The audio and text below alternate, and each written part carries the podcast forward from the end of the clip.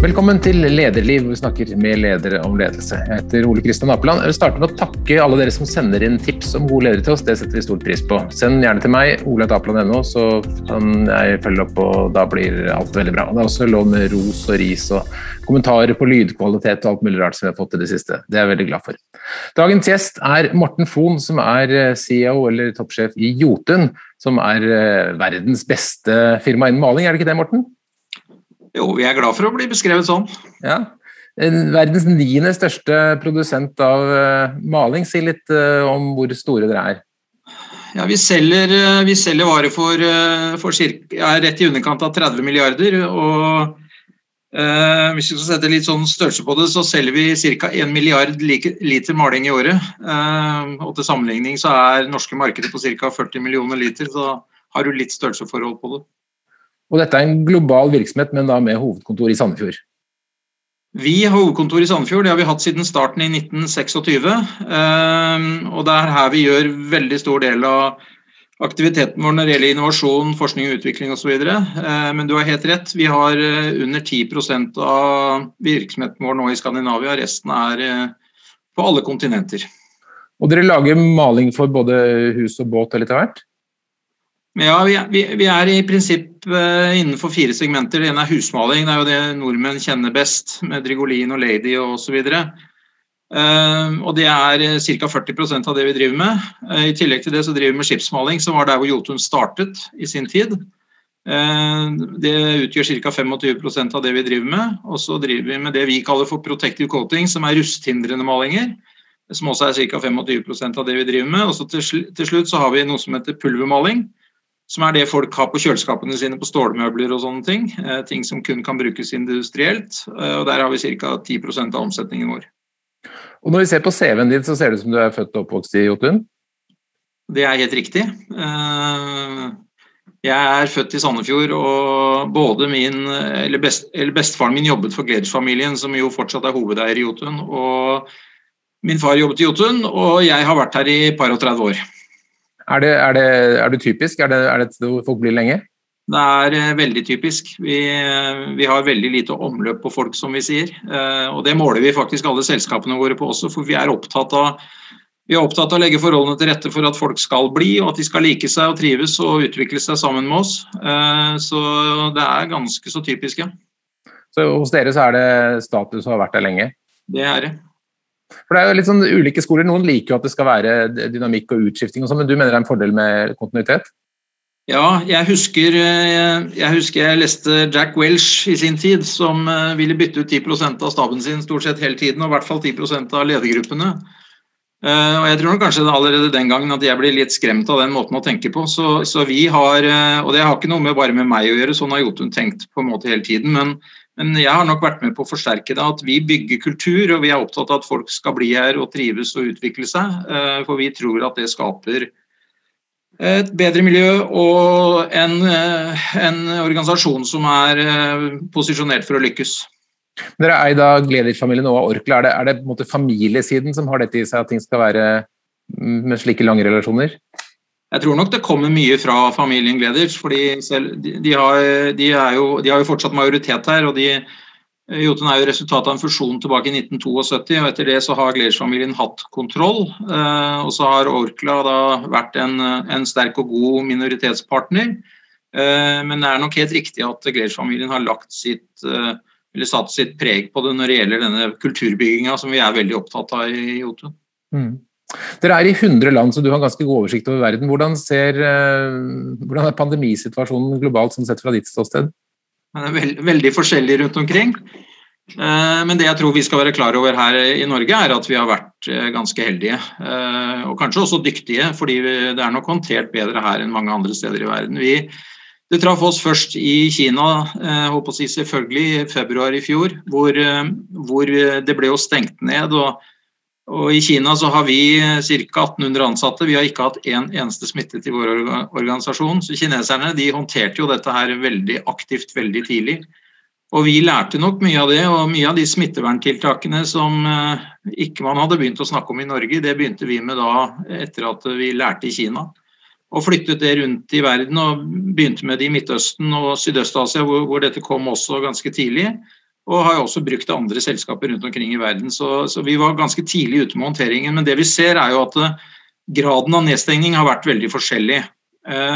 Sånn som Et eksempel er i Malaysia, hvor hvor det har vært veldig nedstengt. Folk har sittet hjemme måned etter måned og kun fått lov å gå ut med, for å handle omtrent. Og det, og det, har gjort at det er mye vanskeligere å drive der enn det f.eks. har vært i Norge. Så vi har jo opplevd mange grader av dette. Eh, og Derfor så har vi vært opptatt av å håndtere det eh, differensiert, sånn at vi på en måte håndterer det i forhold til de lokale forholdene. Men Det har kanskje vært eh, en fordel i noen markeder. Tenker Nordmenn i hvert fall har pussa opp mye det siste året? Du har så rett, så rett. Eh, vi har eh, nesten sånn Klondyke-stemning i noen av markedene våre, og Norge er et av de. Vi, I fjor, så, så når eh, Norge begynte å stenge ned, for å si det sånn, da, i mars, så, så, så vi økt, økt, etterspørsel ganske umiddelbart. Og det bare det eneste som skjedde, var at etterspørselsøkningen gikk fra interiørmaling til eksteriørmaling når våren kom. Men vi hadde, vi hadde helt Klondyke-stemning, og vi slet faktisk med å levere nok utover på vårparten og gjennom sommeren.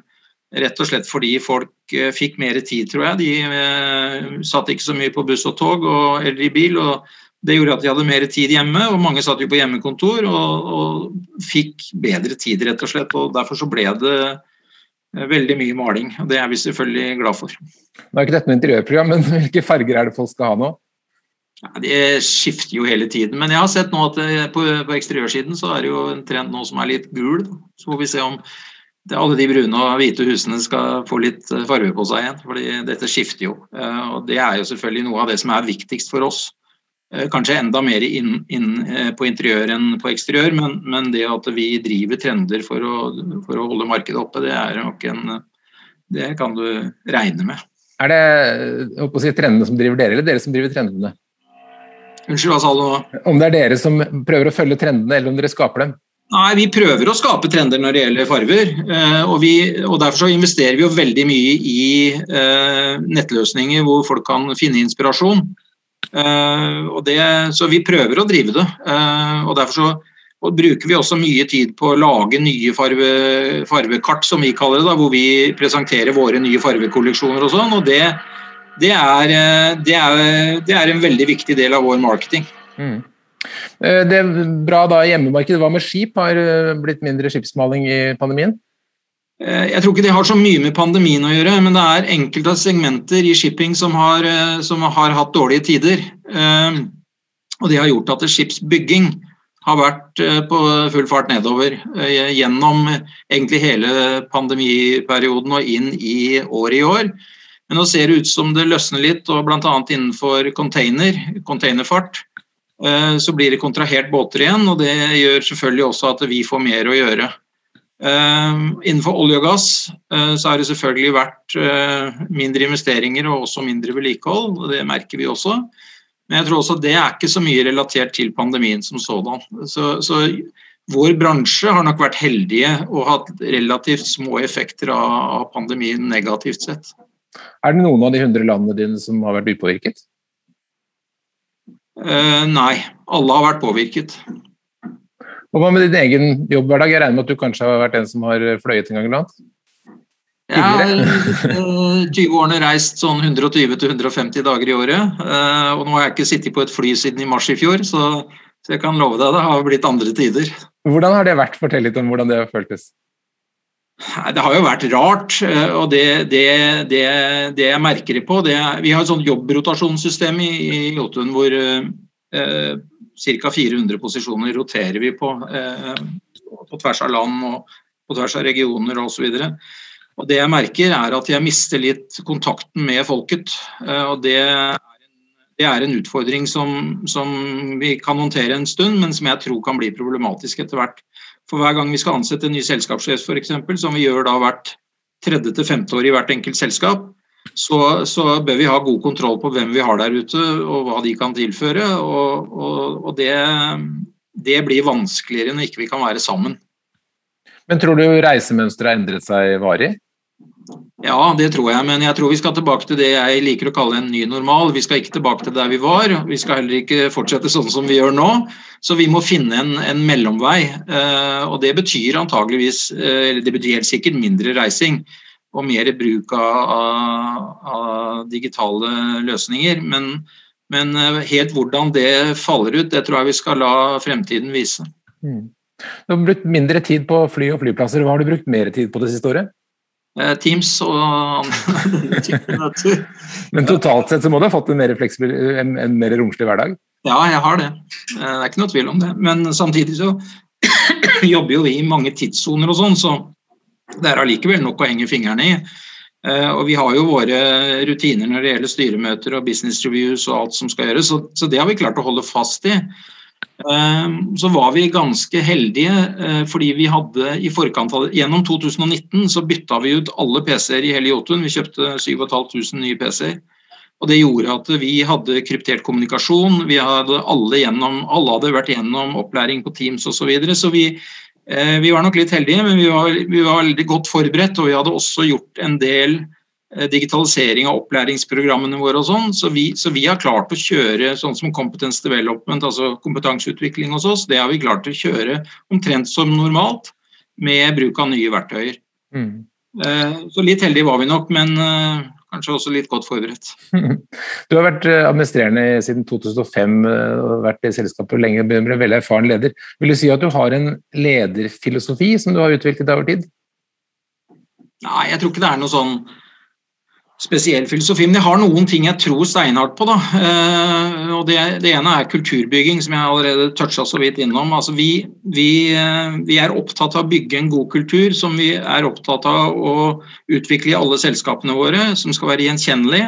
Vi kaller det for pingvinkulturen. Eh, og, og, og det, det, har vi jobba steinhardt med i, i de 15-16 årene jeg har vært sjef her. Så har det vært kanskje det viktigste jeg har drevet med. Eh, I tillegg til det så, så, har jeg vært opptatt av å finne en strategisk retning som alle forstår og er med på. Eh, så vi, vi har ikke noe veldig komplisert strategi, men vi har en, vi har en strategi som, som, vi kommuniserer steinhardt og alle på en måte forstår. Eh, og Det tror jeg gjør at vi har alle med. Både på hovedretningen, men også når vi gjør småendringer i strategisk retning. Og det siste som jeg tror hardt på, det er at eh, vi er et selskap som er på veldig mange steder.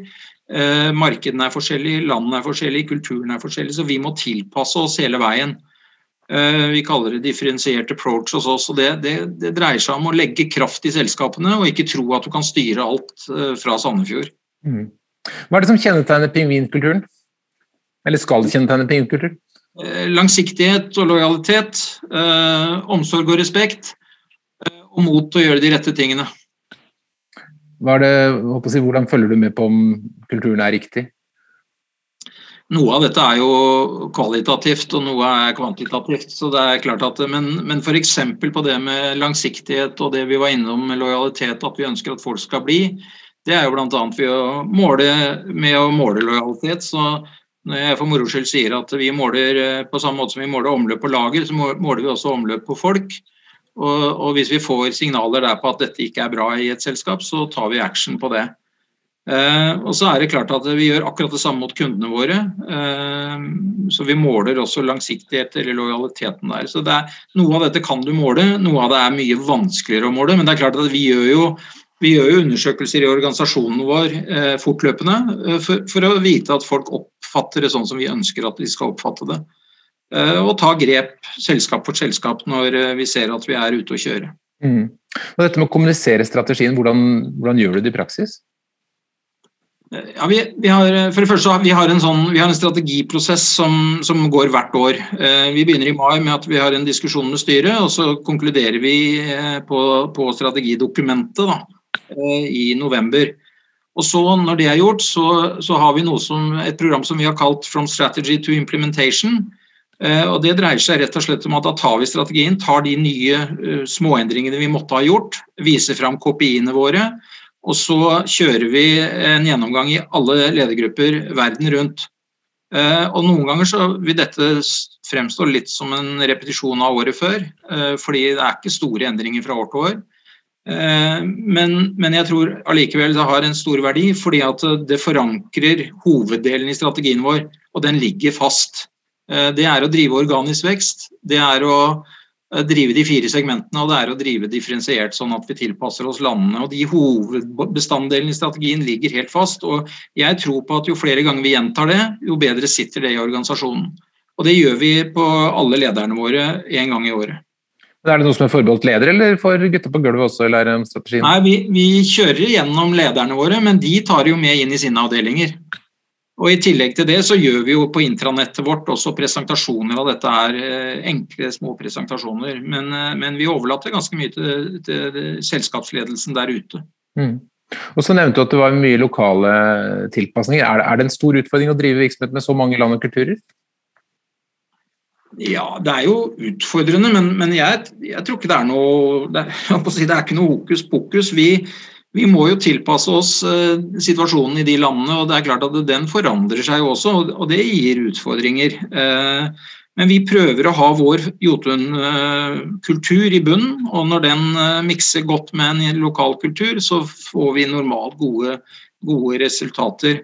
Men, men, så er det klart at verden endrer seg jo. Sånn som nå har vi en ut, stor utfordring i Myanmar, hvor vi har en fabrikk og ca. 90 ansatte. Eh, nå er det vanskelig å drive og det er vanskelig å ta vare på organisasjonen på avstand. Så, så vi har jo utfordringer som ikke man har hvis ikke man driver så mye internasjonalt som det vi gjør. Mm. Er det fordel å være norsk i et sånt landskap? Ja, jeg tror kanskje det i enkelte tilfeller, men, men vi, vi, gjør normalt ikke så mye ut av at vi er, at vi er norske. Men det er situasjoner hvor det åpenbart er en fordel å, å, være norsk, eller i hvert fall å ikke være noe annet enn norsk. og da, da spiller vi på det, men, men, vi gjør ikke det eh, til daglig. fordi vi ønsker å være et internasjonalt, globalt selskap uansett hvor vi er i verden. og Det, det tror jeg vi har profitert på opp gjennom årene. At vi, eh, at vi ikke nødvendigvis er så veldig norske når vi jobber i Vietnam eller Kina eller, eh, eller for den slags skyld i Midtøsten. Men Tenker du at selskapet er annerledes hvis man har satt inn en amerikansk eller kinesisk ledelse for istedenfor deg og gjengen din? Det er jeg helt sikker på. Hva, hva kjennetegner den norske lederstilen? Jeg tror bl.a. at eh, det, det, det, er kort vei fra topp til bunn. Eh, er, vi er eh, Jeg sier noen ganger enkle folk fra bygda. Men det er kort vei fra topp til bunn. Vi driver litt sånn etter den skandinaviske modellen, hva nå enn det er for noe. Ehm, og folk har lett tilgang på oss og, og stor grad av involvering, så vi er nok annerledes. og jeg tror nok noen opplever at vi er mer det, demokratiske også enn en, en, en, del andre store selskaper som kommer buldrende inn og, og ta med seg alt de har hjemmefra. Liksom. Mm. Er det noen konkrete opplevelser i alle disse årene som har spesielt påvirket ditt syn på det å drive tverrkulturelt? Ja, jeg har bodd i, har bodd i Egypt. Så jeg tror kanskje at det har farga litt hvordan jeg ser på, eh, på, religion. Og jeg tror kanskje jeg er litt eh, tolerant i forhold til at det er mennesker som tenker annerledes enn oss. Og, og, det er land som har kommet til et annet stadie i utviklingen enn det vi har. Så jeg tror nok jeg har blitt mer tolerant med årene, for å si det sånn. Mm. Hva er det som er vanskelig med den jobben? det er ikke så lett å sette ord på om det er noen enkeltting som er vanskelig. Men det er klart at eh, vi, vi er veldig mange steder. Eh, og det gjør at vi er avhengig av å sette sammen mange gode lederteam. Jeg tror kanskje det er, det er den største utfordringen vår. At eh, vi kan ikke lede det herfra. Vi kan styre det men, og vi kan drive litt kontroll, men, men vi er helt avhengig av å sette sammen gode team der ute. Og det vi har gjort er at vi har organisert verden i syv regioner. Sånn at vi har kommet tettere på hvert enkelt selskap ved at vi har regionale setup som, som på en måte bidrar og er tett på selskapene hele tiden. Uh, og, og, de har akkurat de samme oppgavene med å bygge kultur, uh, følge strategi uh, osv. Så, så, videre. så så jeg tror vi har funnet en ganske god modell på hvordan, hvordan det skal fungere. Og det er kanskje min største utfordring, det er å få det til å, til å virke på en god måte. Så du tenker at når du har god ledelse på plass, så går mye av resten av seg selv? Ja, det er ganske åpenbart. Vi er jo de aller fleste virksomheter preget av at nye krav til miljø og bærekraft. Hvordan påvirker det Jotun? Det har jo påvirka oss i mange år allerede. Uh, og det, det, det, henger jo sammen med at vi driver også med kjemikalier. altså Vi er industridrift, men vi driver med kjemikalier. og det er klart at uh, Disse kjemikaliene som vi bruker, de har påvirkning på, på naturen og omverdenen osv. Så, videre. så vi har jo jobba med dette her i mange mange år. Og det, og det er, tar en veldig stor del av vår forskning og utviklingskraft, bl.a. At vi jobber med å tilpasse og finne bedre løsninger enn, enn gårsdagens løsninger. Så Sånn sett så er det veldig viktig. Men så tror vi også at vi har en rolle. Fordi eh, altså Vi deler vår sustainability-tenkning egentlig opp i tre. Det ene er på en måte innsatsfaktorene. Hva kan vi gjøre med de? Eh, og leverandørene våre osv. Det andre er det vi gjør på innsida av vår port. Eh, skal vi selvfølgelig gjøre så godt vi kan. Også. Men det siste eh, det er jo hvordan våre produkter faktisk kan ha eh, positive virkninger. Eh, eksempler på det er at hvis vi smører på et uh, godt eh, bunnstoff på en båt, så kan vi kanskje spare 10-15% drivstoff, uh, som har en enorm miljøpåvirkning. Og Da må vi bruke noen kjemikalier for å få til det. Så det er en avveining med innsatsfaktoren i den ene siden og hva som kommer ut i den andre. Et annet eksempel er når vi beskytter en oljeplattform som står ute i Nordsjøen mot, mot rust, så betyr det at han kan holde kanskje i 40 eller 50 år. Mens hvis ikke man hadde gjort det, så ville den kanskje rusta bort etter fire-fem år. Eh, sånn at eh, vi må ta inn de positive effektene av det vi driver med. Eh, og så er det sånn at Vi er ikke noen stor forbruker av strøm eller energi, men vi bruker en del kjemikalier for å få de ønskede effektene. Og Vi prøver å se dette i et livsløps, livsløpsperspektiv, fordi vi mener at da kan vi gjøre mest for miljøet også. Er maling i dag veldig annerledes enn det var for 10-20-30 år siden? Veldig annerledes. Eh, kanskje det vi som forbrukere ser mest eh, forskjellen på, er at eh, i dag så er de aller fleste malingene vi bruker, de er vannløselige. I gamle dager så var de alle sammen løst i løsemidler, white spirit eller andre løsemidler. Og det er stort sett helt borte. Har vi tapt noe på veien da? Er det dårligere? Nei, det er nok eksempler på noen få produkter som kanskje er blitt uh, dårligere. Men jeg tror i, i, sum så har vi bedre løsninger nå enn vi hadde for 20 år siden. Uh, vi sa innledningsvis at du er den niende største aktøren i det markedet her i, i verden. Er det et marked hvor det er store endringer? Ser du for deg at det kan være konsolidering, at dere kan bli spist opp av noen andre eller spise opp noen? Det, er, det har vært en kontinuerlig eh, konsolidering i vår bransje. Uh, for Hvis du går 15 år tilbake, så tror jeg vi var nummer 16 eller noe sånt nå. Uh, og nå er vi blant de ti største. og det er ikke, altså Vi har vokst fortere enn alle andre uh, i de 15 årene, så det er vi veldig stolte av, egentlig. Men, men, det er ikke det som er hovedårsaken til at vi har kommet så langt opp på lista. Det er at de andre har drevet og kjøpt hverandre eller fusjonert. Og Vi har vært veldig tydelige på at vi skal ikke være en del av det. Vi, uh, hovedpunktet i vår strategi det er organisk vekst. Og vi bygger, vi bygger, alt fra scratch, så når vi går inn i nye markeder, så, så går vi inn og bygger et Jotun-selskap fra scratch med kultur, pingvinkultur selvfølgelig, på vår strategi, vår måte å tenke på. Uh, og vi har sagt veldig tydelig at vi ønsker ikke å utfordre uh, den måten å drive Jotun på. og Derfor er ikke vi en aktør i restrukturering av bransjen. Så hvis noen ønsker å, å, å restrukturere, så no, da må de gjøre det uten hjelp av oss. Og, Her har vi hatt god støtte av eierne våre, fordi de ser jo også at vi har hatt en strategi som virker. Vi har bygd en god kultur. Eh, og Derfor så kommer ikke vi til å engasjere oss i eh, konsolideringen av bransjen. Eh, vi fortsetter å drive på vår måte. Det er ganske fascinerende, for dere virker veldig stabile på deres tankegang og det fungerer veldig godt. Syns du når du ser andre bedrifter at det er litt mye hopp og sprett og, og, og vingling i forhold til det dere gjør? Ja, det gjør jeg. Eh, noe som har forundra meg mange ganger, er eh, når det gjelder strategiske valg. For meg, eh, når jeg gikk på universitetet og lærte om strategi, så husker jeg vi lærte om lange linjer og, og retningsvalg og sånne ting. Jeg tror det er altfor mange i dag som vingler med tanke på strategi. Det er blitt litt sånn at det er nesten litt sånn mote at strategi er nytenkning, og at du hele tiden skal forandre og utvikle. Jeg tror det er veldig bra å ha noe som ligger helt fast, ikke noe vingling. Og så skal man gjøre selvfølgelig tilpasninger og endringer når det er nødvendig. Men jeg tror det å ha en sånn overordna retning, det tror jeg for mange glepper på. Men det vil sikkert være noen som uh, argumenterer mot det å komme med sånne historier om Kodak og sånn at man blir uh, lat og ikke følger med tiden og tror for mye på seg selv og, og hybris osv. Hva tenker du om det?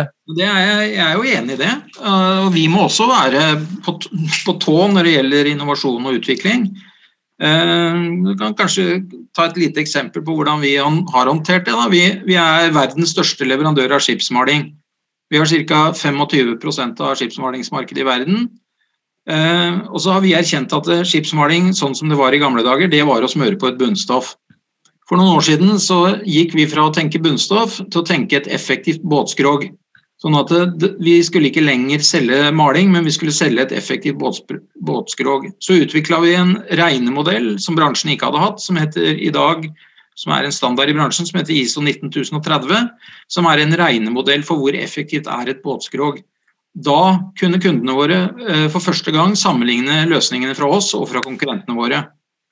Og når vi fortsatte den tankegangen, så fant vi ut her kan vi kanskje gjøre helt andre ting enn å selge maling.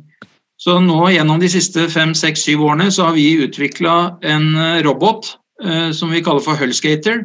Som er egentlig en, kall det en kopi av den autonome gressklipperen din som går rundt i havene og slår gresset.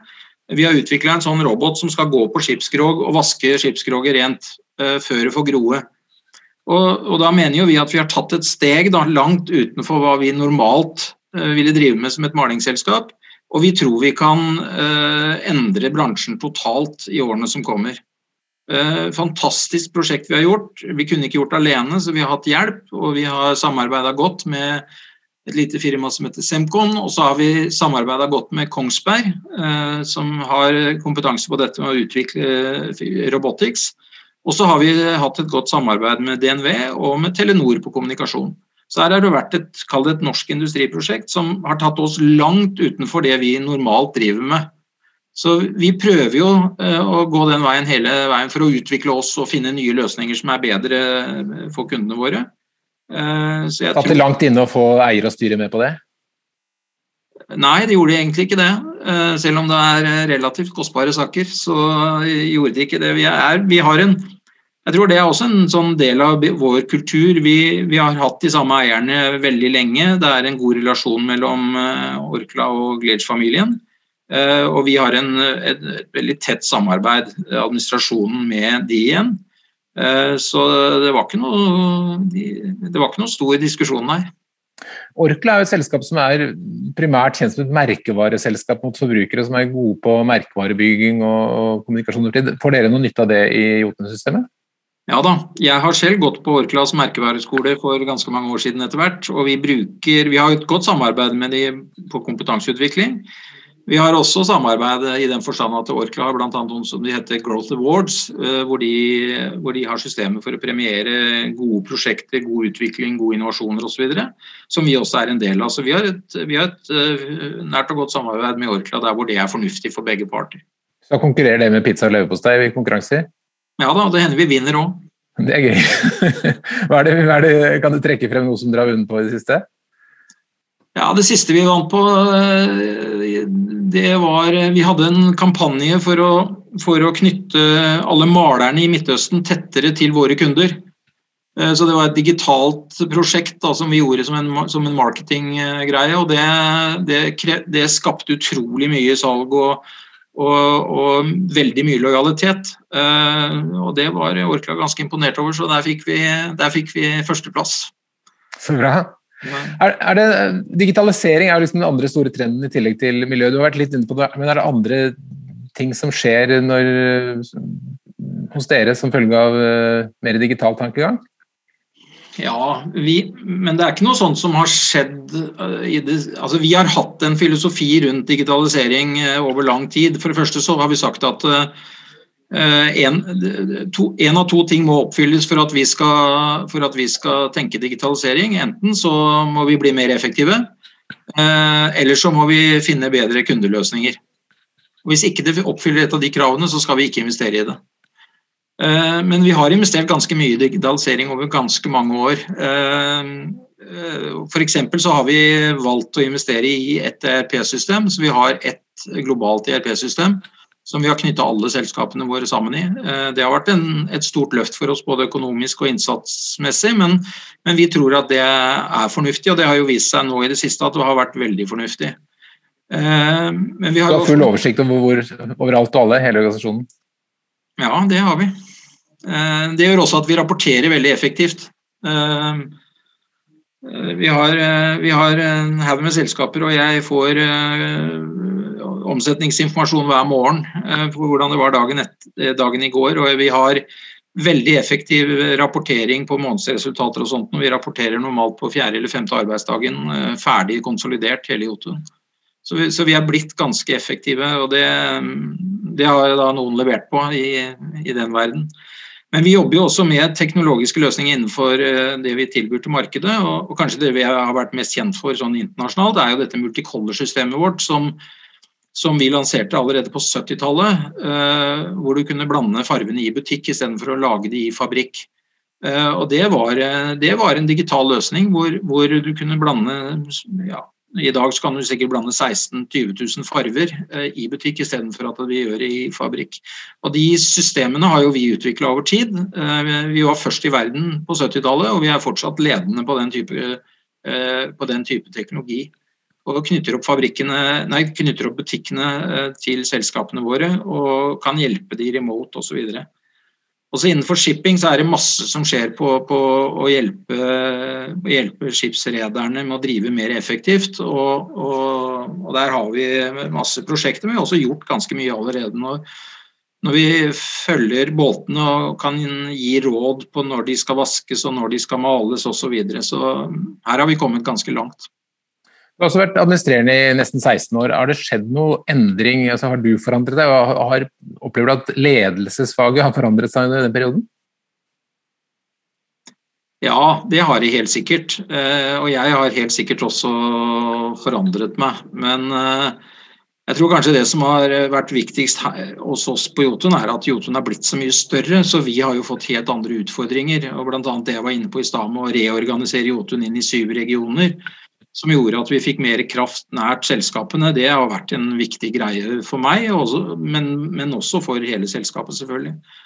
Eh, og det har gjort at min hverdag har også endret seg. Eh, eh, når det gjelder knytningen mot hvert enkelt selskap. Det var jo sånn For 15 år siden og da kjente jeg stort sett alle i hvert enkelt selskap. Eh, når vi var 4000-5000 eh, mennesker, nå er vi 10 000 mennesker. Det, det, det, kan ikke være det samme lenger da. Så, så det har endret seg. Dere er jo Sandefjord-selskap, og det er jo en del virksomheter som er sånn at de er liksom byens eh, kjente merke. Jeg tror veldig mange vet at Jotun er i Sandefjord, og mange vet at Sandefjord har Jotun osv. Hva betyr det for eh, kultur og identitet i bedriften at dere er liksom en av byens stoltheter? Nei, det, betyr nok eh, mye, det betyr nok mye for byen. og det, vi er jo liksom en, vi er en stor, stolt arbeidsgiver i, i Sandefjord. Eh, største arbeidsgiver. Og, og, men, men, eh, vi har alltid vært der. Eh, byen eh, er tror jeg, happy med det. Og, og, vi er opptatt av å tiltrekke oss folk for å bo her. Vi er opptatt av at Sandefjord skal være et godt sted å bo. For hvis Sandefjord er et godt sted å bo, så er det lettere for oss å tiltrekke oss folk hit. Og husk på at Vi trekker folk ikke bare fra andre steder i Norge, men vi skal også ha folk til å komme utenfra og hit i, våre egne mobilitetsprogrammer. Men også når vi ansetter f.eks. For innenfor forskning og utvikling, så ansetter vi jo de aller fleste fra utlandet. Uh, og jeg så en oversikt nå, Vi ansatte 21 nye mennesker i en eller annen tidsperiode uh, i R&D. og da da kom over halvdelen utenfra. Eh, de kom fra mange forskjellige utdannelsesinstitusjoner ute, og veldig mange veldig høyt utdanna. Og hvis de skal til Sandefjord, så må vi kunne tilby et sånt ålreit sted å bo. Eh, så vi bruker også mye ressurser inn lokalområdet her for å bygge kultur, støtte idretten osv. osv.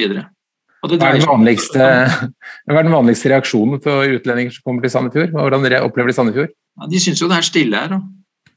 Jeg husker, jeg husker, For noen år siden så hadde jeg, en, hadde jeg med en egypter her som bodde på et av hotellene i byen. Han gikk ut en søndag formiddag. Han snudde i døra og gikk opp igjen, for han trodde det var krig. ja, Det er kanskje ikke helt Egypt. Nei. Eh, Morten, hvis det kommer en ung person til deg og vil bli en stor leder, sånn som deg, hva er de tre viktigste lederrådene du gir? For det første så skal du ikke planlegge for mye. Det er helt umulig å planlegge hvor du er hen om 15 eller 20 år, så det vil jeg, det vil jeg anbefale å ikke begynne med.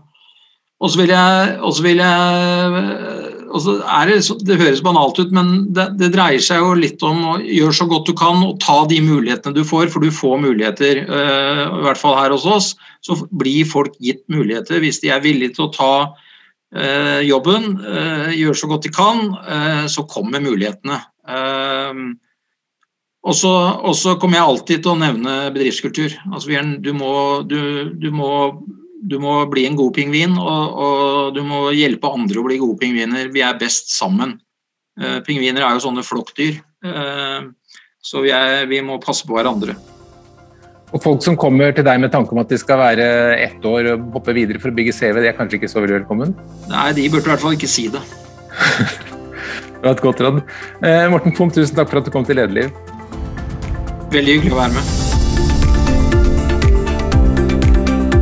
Lederliv er en podkast fra kommunikasjonsbyrået Apeland. Vi legger ut nye episoder hver fredag. Redaksjonen består av Ellen Paulsen, Lars Jarle Melum, Lars Volden og meg, som heter Ole Kristian Apeland. Send e-post til tipsatlederliv.no, eller rett til meg på oleatapeland.no. Takk skal du ha.